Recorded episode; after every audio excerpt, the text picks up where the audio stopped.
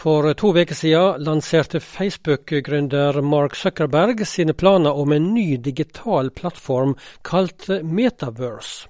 Et av målene er å smelte internett mer sammen med den virkelige verden, med f.eks. mer avanserte muligheter til å møtes virtuelt uten å være fysisk til stede. Navnet Metaverse er henta fra en eh, science fiction-roman og rådgiver Bjørn Are Davidsen i Tankesmia Skaperkraft påpeker at slike bøker oftest er dystopier, altså en pessimistisk eh, framtidsvisjon der teknologien blir misbrukt av vonde krefter. Jeg tror det er i hvert fall to store grunner til det. Den ene er at man skal lage en spennende fortelling. Det blir ikke alltid så veldig eh, Det blir aldri spennende om alt bare er eh, fryd og, og lykke og glede. Da vil man i tillegg tenke at mennesket, menneskenaturen, er slik at det er en tendens til at noen vil komme til å misbruke teknologi og utnytte de mulighetene som enhver tidsperiode, enten det er for 1000 år siden eller om 1000 år, byr på. Så eh, trekker du altså noen paralleller mellom eh, science fiction-litteraturen og eh, Mark Zuckerberg sitt metaverse. Men, men, først, bare for å vite litt hva vi snakker om her.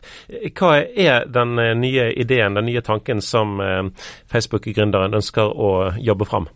Ja, jeg vil si at det er en eldgammel tanke. Men det det handler om, er altså at du får en mulighet til å gå inn i en slags virtuell virkelighet i form av figurer som er deg selv, altså avatarer.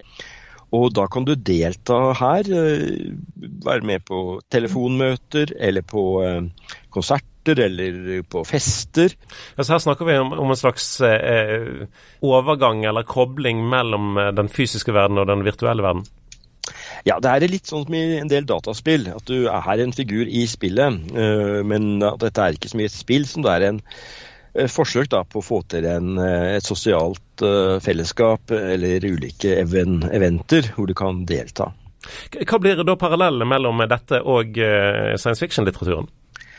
Ja, Som jeg sa, så er dette altså en eldgammel idé som man finner i science fiction-litteratur i mange tiår bakover dette mer konkrete tingen som heter metaverset, ble første gang lansert i 1992 i en roman av eh, Neil Stevenson, en fremragende forfatter som har skrevet mye annet også. Denne romanen heter 'Snow Crash'. og Det typiske her og for den type litteratur er jo at det er ganske som du sa, dystopisk. Det er ganske skremmende fremtidsforestillinger som uh, legges fram. Og her er det mafiaen, eller ulike mafiagrupper, som styrer dette. Men regner jo ikke med at det er en dystopi som Mark Zuckerberg og hans eh, folk eh, ser for seg. Eh, men hva blir konsekvensene hvis Zuckerberg lykkes med prosjektet sitt? Ja, Det spørs jo hva du mener med å lykkes med prosjektet. Men hvis dette etableres, og det ikke tas skikkelig tak når det gjelder kontrollmekanismer, reguleringer, persondatahensyn, og man har måter å stanse dette på så ikke vi blir utsatt for en enda mer manipulering og blir, får en måte å bli oppslukt på, altså forlater hverdagen og uh, glemmer hverdagsproblemene. Fordi det er så utrolig mye morsommere og interessant å være med i dette metaverset enn å løse problemer med global oppvarming eller uh, forbrytelser eller hva det måtte være. Det er det vil være altså rett og slett eh, for oss som har forsøkt oss på, på spill iblant, noe som blir så besettende at du rett og slett eh, glemmer tid og rom, og familie og venner og jobb og til og med å sove. Ja, Betyr det at du er rett og slett redd for at, at uh, dette metaverset skal bli en så stor distraksjon at vi ikke får tatt tak i ting vi burde tatt tak i?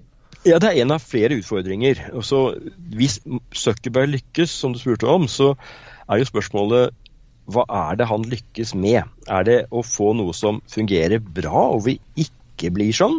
Eller er det noe som blir så bra at vi har store Iallfall noen, spesielt sårbare, som har uh, lite motstandskraft mot den type fristelser, blir fanget, uh, sugd opp i dette og bruker enda mer tid enn uh, selv tenåringer som, som driver med gaming, gjør i dag. Du skriver i en kronikk nylig at uh, for store drømmer om framtiden kan sløve oss i nåtiden. Ja, og det er utfordringen. At hvis vi hele tiden ser framover og forsøker å realisere noen enorme, fine drømmer som vi virkelig kan glede oss til, tror vi, så betyr det for noen at vi da rett og slett eh, ikke ser nok på dagens utfordringer og ikke arbeider med dem. For vi har jo ikke tid. Vi er opptatt av å gjøre det som skal lykkes om eh, ti år eller hundre år. Ja, du, du, nevner i kronikken din eh, opium for folket. Det gir jo assosiasjoner til eh, tidligere tiders religionskritikk. Du er jo selv, kristen. Eh, kan ikke òg eh, tanken om himmel og en eh, god eh, framtid òg ha litt av den samme faren i seg? Det, ja, det spørs jo hvordan man forholder seg til dette med, med himmelen og troen på et evig liv etter døden. Det er jo slik at dette er ikke noe som kommer hvis du bare sitter i en krok og venter. Det krever at du er faktisk eh, til stede her på jorden, tar imot eh, frelsen gjennom Jesus osv., slik vi kristne tror. Og at du arbeider i denne verden for å skape en bedre verden. Dette henger sammen. Vi blir ikke frelst fordi vi skaper en bedre verden, men fordi vi da er kristne, så bør vi virkelig være aktive i å skape en bedre verden. Men Hvis vi går tilbake til teknologien her, hva tenker du er, er viktig å være bevisst på for å sikre at uh, det blir de positive tingene og ikke de negative som blir framtredende i vår uh, framtidige teknologiske hverdag? Ja, Vi må sette oss inn i hva dette handler om. Så må vi ha en skikkelig gjennomgang av hvilke type trusler dette kan medføre. Også selvfølgelig hvilke positive muligheter. Så må vi se på hvilke politiske reguleringer på tvers av landegrenser kan vi få til? Hvordan kan vi unngå at enkeltindivider eller stater misbruker disse mulighetene? Og Det gjelder spesielt dette med personvern, dette med tillatelse til å være med, til å være aktiv.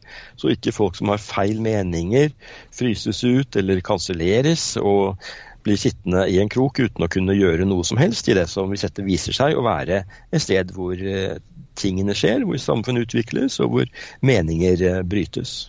Eh, tror du dette er realistisk og mulig å få til, altså de begrensningene som, som du sier der? Eller eh, er du redd at science fiction-dystopiene kan få en virkelighetsparallell? Jeg sliter med å se at ikke science fiction-dystopiene er veldig realistiske.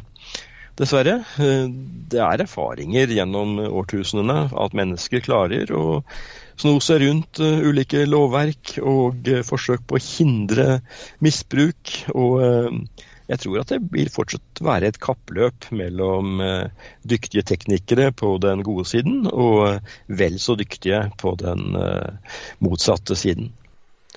Ja, det mente Bjørnar Davidsen, som er rådgiver i tankesmia Skaperkraft. Og det var denne ukas utgave av Petro-kommentaren, der ulike personer veksler på å komme med innspill hver eh, fredag i God hverdag, og i Petro-kontoret på torsdag ettermiddag klokka tre.